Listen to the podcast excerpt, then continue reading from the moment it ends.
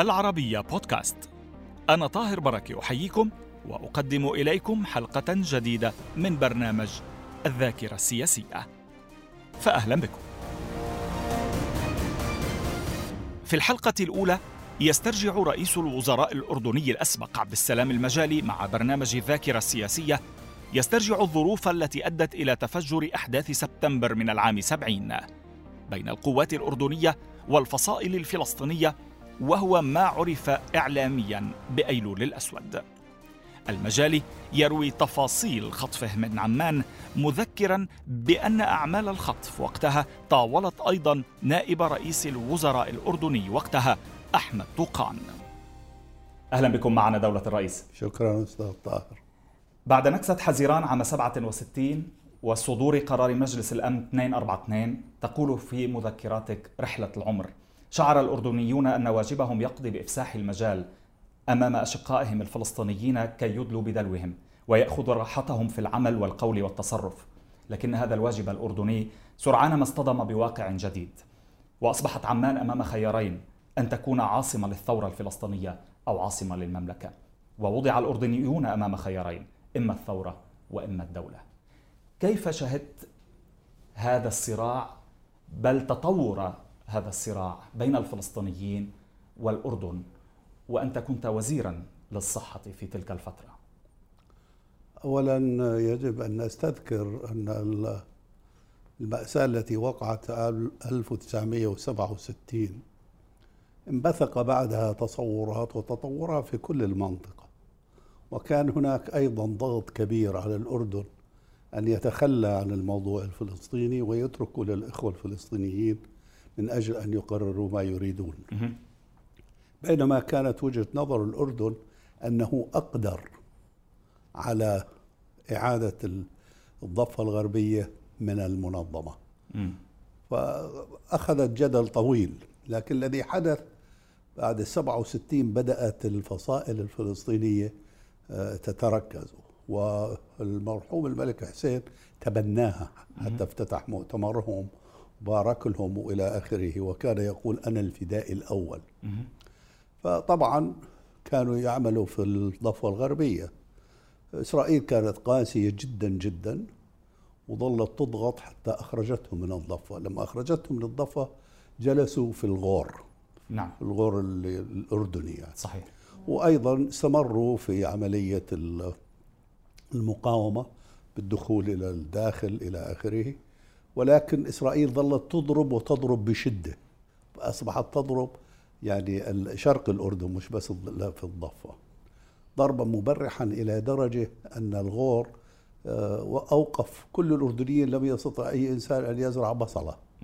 يعني أصبح أشبه بالصحراء بسبب الضرب يعني هاجروا أهله. نعم.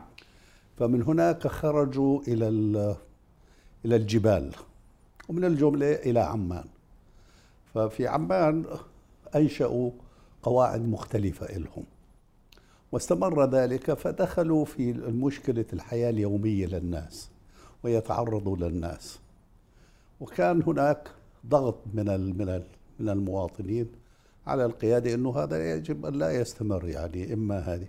وكانت تطلق أيضا آه، تصريحات غريبة وعجيبة أن آه، يعني مثل هانوي إنه تحرير الضفة الغربية إلا بعد تحرير الضفه يعني يمر من عمان وأشياء من قبيل الجمهوريه بدل الملكية. آه وكل لا ولا صوت فوق صوت المعركة مم. وإلى آخره من هذه الأمور. اذا هي تجاوزات التي آه تجاوزات كثيرة. هكذا؟ تجاوزات لدرجة إنه تناولت معظم الناس. مم. يعني معظم الناس تأثروا بذلك والحياة اليومية يعني. مم. اللي يفتشوا واللي يدخلوا في بيته إلى آخره. بتعرف كيف بهالأمور فيه. النية من وراء ذلك دولتك كانت آنذاك أيضا الوطن البديل أو كانت ممارسات آه، فردية فصائلية؟ لم يعلن وقتها عن الوطن البديل. كانوا يقولون أن طبعا دائما إحنا الضفتين يقولوا عنه. لكن كان هو نتيجة أنهم لم يستطيعوا أن يعملوا شيء في الأرض المحتلة. فهم مسلحين وموجودين هناك. يعني في تلك الفترة لم يكن هناك الهدف لنسجل للتاريخ أنه لم يكن الهدف إقامة وطن بديل لا أو على الأقل ال- كلمة الوطن البديل لم تكن من الأخوة الفلسطينيين. وإنما من من الإسرائيليين هم الذين يرغبون بذلك. هم الذين يعملون من أجل ذلك ويقولون للفلسطينيين اذهبوا إلى الأردن وسووا حكومتكم هناك أو دولتكم هناك وكان. هناك أنظمة عربية تذكي هذا الصراع أم لا؟ لابد سرا لكن من يتحمل المسؤولية هنا في تلك طبعا الفترة؟ الذي كان يدفع بذلك ولا يقدر الظروف تقديرا صحيحا مم. فاجتهادهم كان بذ- بذلك هنا التوجه نتحدث عن آه، سوريا والعراق ومصر كل بدوره يعني كل يعمل بدوره ووفق علاقته. مع الفصائل فلذلك لما دخلوا في عمان صار في ضغط كثير. على القيادة إنه ما بيجوز يسكتوا خصوصا كانوا يتعرضوا للجيش. يعني يهينوا الجندي لدرجة أن الجندي كان ما يقدر ينزل في لباسه العسكري يخشى من ال- من الإيذاء مهم. فاضطر في الآخر إنهم يقول لهم إنه هذا لا يجوز وصارت مباحثات عدة إنه ماذا نفعل؟ لإيقاف ذلك وأنا كنت من المشاركين في هذه المفاوضات فأحيانا القيادة قيادتهم لا تسيطر على ال- العناصر مهم. وأحيانا هم منظمات مختلفة منظمة تقبل منظمة لا تقبل وهكذا حتى وقعت ما وقع توجيهات الملك. حسين الراحل ماذا كانت فيما يتعلق بالتعامل مع كان الفلسطينيين؟ يقول أنا الفدائي الأول وكان يلبس حتى اللباس الفدائي يعني كان يؤمن بعملهم لكن لما تجاوزوا بمعنى أنه ظل يأمر بضبط النفس حتى جدا حتى انفجرت في مم. أيلول حتى يعني ما عرف اعلاميا بأيلول الأسود السبعين أو أحداث أيلول عام 1970 تقول في كتابك من المؤكد أن اطرافا فلسطينية لم تكن تريد الوفاق الفلسطيني الأردني بل إنها لم تكن معجبة بالمملكة والملكية والملك نفسه. نعم. كثير منهم اللي كان لا يؤمن بذلك ولا يريد ذلك ويؤيد أيضا من أطراف خارج الأردن. طب قيادات ال- الفلسطينيين آه، أو القيادة هل تتحمل المسؤولية. أم الفصائل التي كانت تختلف كثيرا معها أيضا في يعني بعض في. الفصائل كانت بالأيديولوجي قريبة إلى الأردن وبعضها بعيد جدا مم. يعني بعدها بعيد جدا ال- ال- الفصائل العقائدية كانت لا تؤمن بوجود المملكة الأردنية الهاشمية مم. يجب إزالتها نعم وتؤمن حتى بالنظام الجمهوري مهم. فكانت تلقى هذه لكن الأردن لم يتجاوب عنفا مع كل ذلك طب شو كانت. مقاربتك حضرتك آه، آنذاك وأنت قلت إنك شاركت في هذه المفاوضات ل ل- يعني آه، لكي تجدوا حلا لهذه ال- المشكلة الحل هو أنه يعني وقتها كنا نعرض عليهم أنه أنتم يعني أنتم فدائيين ومنظمات من أجل القتال في, في الأرض المحتلة مش في الأردن.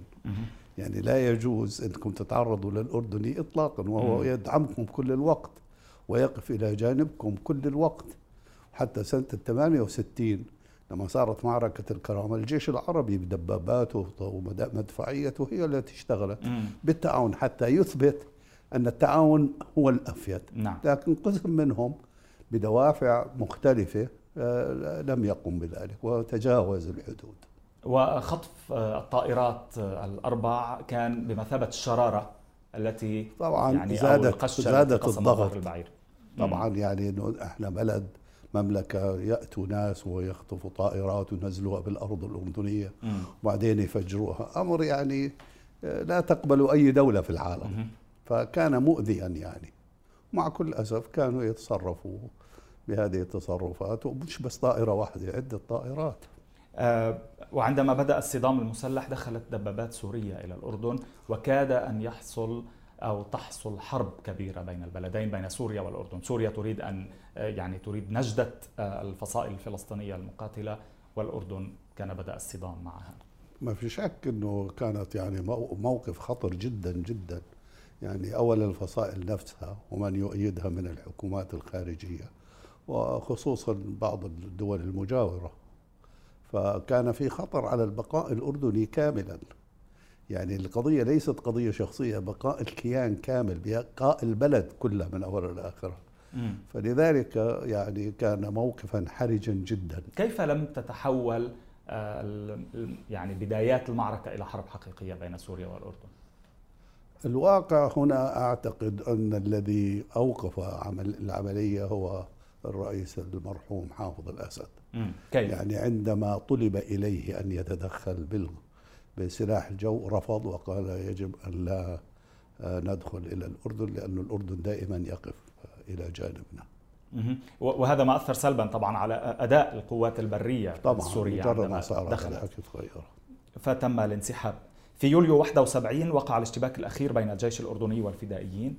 فتمكن الأردن من إخراج المنظمات والفصائل الفلسطينية المسلحة من الأردن كليا ونهائيا. طبعا تمركزوا في لبنان بعد ذلك. ولكن أريد أن أسأل أسئلة سريعة هنا أو الإجابات أرجو أن تكون سريعة وهي ما يؤخذ على الأردن. ألم يؤخذ الصالح بجريرة الطالح كما يقال في الرد الأردني على الفصائل؟ ما أعتقد أنه هذا.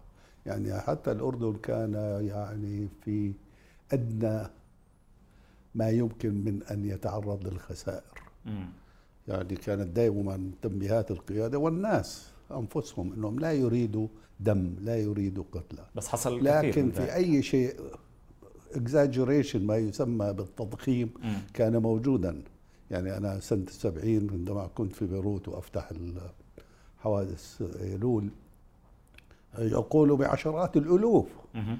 والبيوت وعمان تهدمت تهدم كذا بيت كذا عمارة كذا كذا لكن التضخيم دائما موجود عندنا ويستخدم الإعلام لهذه الغايات حادثة الخطف الأولى التي تعرضت إليها حصلت في التاسع من حزيران يونيو 1970 وكنت عندها وزيرا للصحة آه، وكان ذلك في العاصمة الأردنية عمان كيف تم ذلك؟ هل رويت لنا قصة اختطافك؟ آه، اولا آه، كنت ساكن أنا في قرب المطار. في الضاحية اسمها الماركة وطبعا لما اشتد الضرب واشتدت ال- العمليات في عمان بقيت في البيت. فكان لي أخ آه، ولا يزال طبعا موجود عبد الحي. كان في بيروت وجاء إلى المطار لم يستطع أن يذهب إلى المدينة مم. وإنما جاء لأنني أنا قرب المطار. فسكن نا- نام عندي. فثاني يوم اتصل بي سكرتير الحكومة بيقول والله في يعني إصابات كثيرة في البلد وإذا ممكن إنه يعني تشرف عليها فأخذت حالي ونزلت طبعا سائقي عسكري وإبني معي كان سامر. وأخي فنزلنا من البيت في كان بسموه المحطة محطة القطار بتمر فيها نعم وإذا فيها ال checkpoint حاجز, حاجز. تفتيش. للفصائل حاجز وقفنا وقفنا. لم تعرف منهم بل لم أعرف. فراسا فتحوا الباب دفشوا السائق ل- للطرف الثاني. مهم. جلس وساق السيارة هو من يكن هو. وخطفك مع نجلك. ما أنا مع نجي ومع أخي. مهم. وأخذونا في جبل اسمه الجبل الهاشمي الشمالي. نعم. ذهبنا إلى هناك. ودخلنا في بيت في غرفة ما فيهاش يعني أي شيء يعني ذو قيمة وجلسنا لم يتكلم ولا كلمة. يمكن ما أعرفش قديش الوقت لأنه هذاك الساعة بتشوف إنه الوقت طويل جدا طبعا آه، بعد فترة آه، قال لي إنه آه، أنت بتعرف ليش الضرب هذا اللي موجود في عمان؟ قلت له ليش؟ قال لي أنه نحن نناصر الملك حسين ضد خاله الذي يريد أن يقوم بانقلاب عسكري. فقلت له أنت تت- بتتكلم لمين يعني بتتكلم لإنسان خبير وبيعرف كل ال- ال- القضية فشو بدك من هالحكي؟ قال لي أكيد هيك قلت له أنا وزير الصحة ما هو صح؟ عارفني. وزير صحة وسيارتي عليها نمرة حكومية لا بمعنى أنك قلت له هل. تعرف مع من تتكلم طبعاً. يعني مع وزير الصحة فبعد فترة آه، اعتذر. يعني قال إنه يعني أنا متاسفين إحنا اخذناك هؤلاء كانوا من الجبهة الشعبية القيادة العامة؟ اكتشفت فيما بعد إنهم من الجبهة الشعبية القيادة العامة. آه. و- ومن ضغط عليهم يعني كي أفرجوا عنك؟ لا أدري. لا أدري آه لم أسمع ولم ولم يقل لي. قال لي إحنا يعني متأسفين إن أسأنا إليك. قلت له طبعا الحمد لله. لم يؤذوني ولا بشكل من الأشكال بس مم. كنت أنا يعني يمكن أول مرة بتوتر بحياتي وبالصدفة هذاك اليوم حامل مسدس. وبتذكر المسدس فيه طلقتين. فقلت إيش بدي أسوي بهالحكايه خصوصا إذا ما حاولوا إهانتي أمام ابني. فيعني ابني عمره 10 12 سنة يشوف أبوه هيك ينهان وكذا. شغلة جريمة كبيرة يعني. فقررت أن تقتل أنا- نفسك. فقلت أنا بقتله بقتل نفسي بالرصاصتين وبترك أخي. يعني لو أهانك أو آه فالحمد لله لم يقع ذلك. لكن لما طلعنا لقينا السيارة كلها منفسين عجالها يعني. فجلسنا حتى ضبطوا العجلات وكذا فذهبت إلى الوزارة وفعلا يعني انتهت أشرفت العملية على- خير ولكن هذه كانت بمثابة رسائل يعني إلى إيه. المسؤولين الأردنيين طبعا مم. طبعا يعني لما بتخطف وزير في نفس عاصمة بلده طبعا قبلها انخطف آه، أحمد طوقان كما قلت مم. لك مم. نعم. صحيح بس ما اذوه راسا يعني بس نزلوه من السيارة وأخذوا السيارة وقالوا له روح. ولكن حادثه الاختطاف الثانية كانت أخطر وأقسى هذيك عليك أكبر مم. هذيك يعني فجر السبت أكن 26 وزيراً. سبتمبر عندما كنت مع عائلتك في بيروت. بالضبط. هو الواقع أنا كنت في خارج الأردن كنت في في نيجيريا. نعم. مستشار لشركة دار الهندسة عم يبنوا مستشفى. فرحت ورجعت من هناك إلى لندن. وبالصدفة أخي عبد الوهاب اللي كان وزيرا للدفاع. في الحكومة التي قامت برضه كان راجع من مؤتمر والتقينا في عمان في لندن. ففي لندن جلسنا إيش نعمل فقررنا أن نعود إلى الأردن. لكن ما فيش طيران أردني قلنا أحسن شيء بنجي لبيروت ومن بيروت بنروح بالسيارات فلما وصلنا لبيروت لقينا إنه عبث إنك تروح بأي سيارات لأنه الطرق كلها مهم. يعني محاصرة ابتدائية، اشتباكات محاصرات، اشتباكات ووجدت إنه عائلتي هناك مهم. في أوتيل اسمه أتلانتيك أوتيل فدخلنا و... لكن كنا نشعر إنه في شيء آه، في أنني تحت المراقبة. يعني نشعر إنه في سيارات دائما تتبعنا وإلى آخره. فقلنا لا حول ولا يعني بس بنسمع الأخبار ومتألمين الذي يحدث في الأردن وخصوصا الإذاعات السورية واذاعه فلسطين. يعني أشكال وألوان من من الاتهامات و طبعا بخوفك يعني صحيح أنت بتعرف البلد كويس لكن لما بتسمع من كثر ما بتسمع بتقول والله يمكن يكون يمكن يكون صحيح. فيوم كانت يوم جمعة ليلة سبت. عزمني آه، و- مدير صحة ألو... آه، وكيل وزارة الصحة اللبناني. نعم. آه، فعزمني على العشاء قلت له والله أنا صعب أطلع لأنه هلا بتطلع بسيارة بتوقفك حاجة. مين أنت والدنيا قايمة في عمان؟ شغلة مش كثير مناسبة. قال لي لا بتروح في سيارة لوكالة الغوث ومدير خدمات وكالة الغوث بيجي بياخذك برجع ففعلا أخذنا رجعنا بحدود الساعة 12 ما في شيء يعني ما ما ما حداش تعرض لنا شيء فتت ونمت أنا كالعادة. الساعة ثلاثة في الصباح. إحنا في الطابق الخامس أنا وزوجتي في غرفة وأولادي الاثنين كانوا في غرفة أخرى فالساعة ثلاثة تقريبا الصبح تقومني زوجتك. زوجتي بتقول لي في ناس على الباب. قلت لها نعم شو بدك شو بده يكون في الباب؟ قالت لي بلكي الناس جايبين أخبار من عمان. فقمت وصلت للباب قلت له مين؟ قال أنا ياسين. قلت له مين ياسين؟ قال افتح. صدفة يعني ما بعرفش كيف الإنسان ال reaction تبعه. حطيت رجلي ورا الباب مم. حتى إذا صار إشي يعني أستخدم. ما فتحت الباب وإلى الكلاشينكوف لوجهي. سكرت الباب. غلط يعني هو خطأ لكنه reaction. ردة فعل طبيعية. آه، وهي آه، زوجتي ودل- ودقرت الدقيرة هاي اللي بتصير مم. تتسكر. من أجل إحكام الإقفال. آه. ورجعت. طبعا قدرت إنه هذول ف- فدائيين فرحت للتليفون بدي أحكي بدي أقول للأوتيل إنه في مشكلة يعني امسك التليفون ما في ما في حرارة. حرارة. حرارة فأتت زوجتي راحت للغرفة اللي للاولاد انها من هناك أنا سحبت حالي وطلعت للفرندا على أساس إنه بلكي أنط للفرندا اللي بجنبي لأنه بجنبي واحد أردني. ساكن قلت بقومه بصير يعني ناس بتدخل في المشكلة فنطيت من الفرندا تبعي إلى الفرندا تبعه فضربت على الشباك تاع الفرندا طبعا ما جاوب. وراسا أنا في نفسي قلت طيب واحد باب ما بيفتح. باب فرندا بيفتح. فبطلت قلت أحسن أنط كمان لغرفة ديل نطت للغرفة اللي بعدها بعدين قلت ربما إنهم يجوا لأنه نفس الطابق بفتشوا الغرف كلها يعني. نعم. فقلت أحسن شيء إني أنا أنط للطابق الرابع. فوقفت على الدرابزين مم. وصرت اطلع إنه كيف بدي أساوي شو يعني المانوفرنج اللي بدي اعمله مشان أنط. إنه بدي أتلولح هيك وأرمي حالي.